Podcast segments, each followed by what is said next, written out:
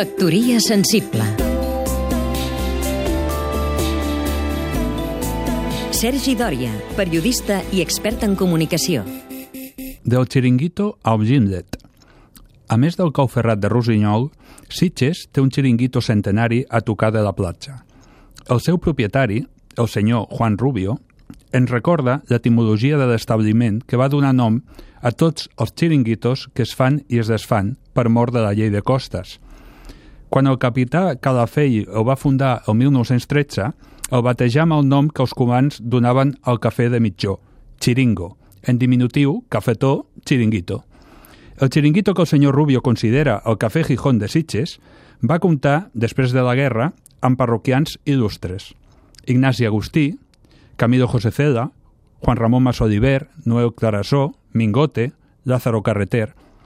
César González Ruano va escriure a les seves taules un poema en català que Ramon Planes transcriu en el seu llibre de Sitges.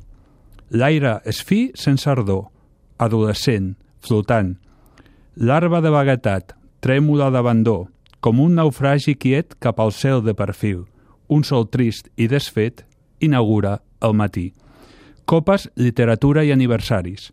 De Sitges al Gimlet del carrer Santaló, on Javier de las Muedas, després de passar pel bord, va ensenyar a la meva generació a entrar sense manies a les cocteleries, tastar gintònics de veritat i conversar amb el barma com si fóssim bògars de disseny.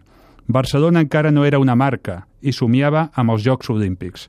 D'això ja en fa 30 anys. Brindem. Factoria sensible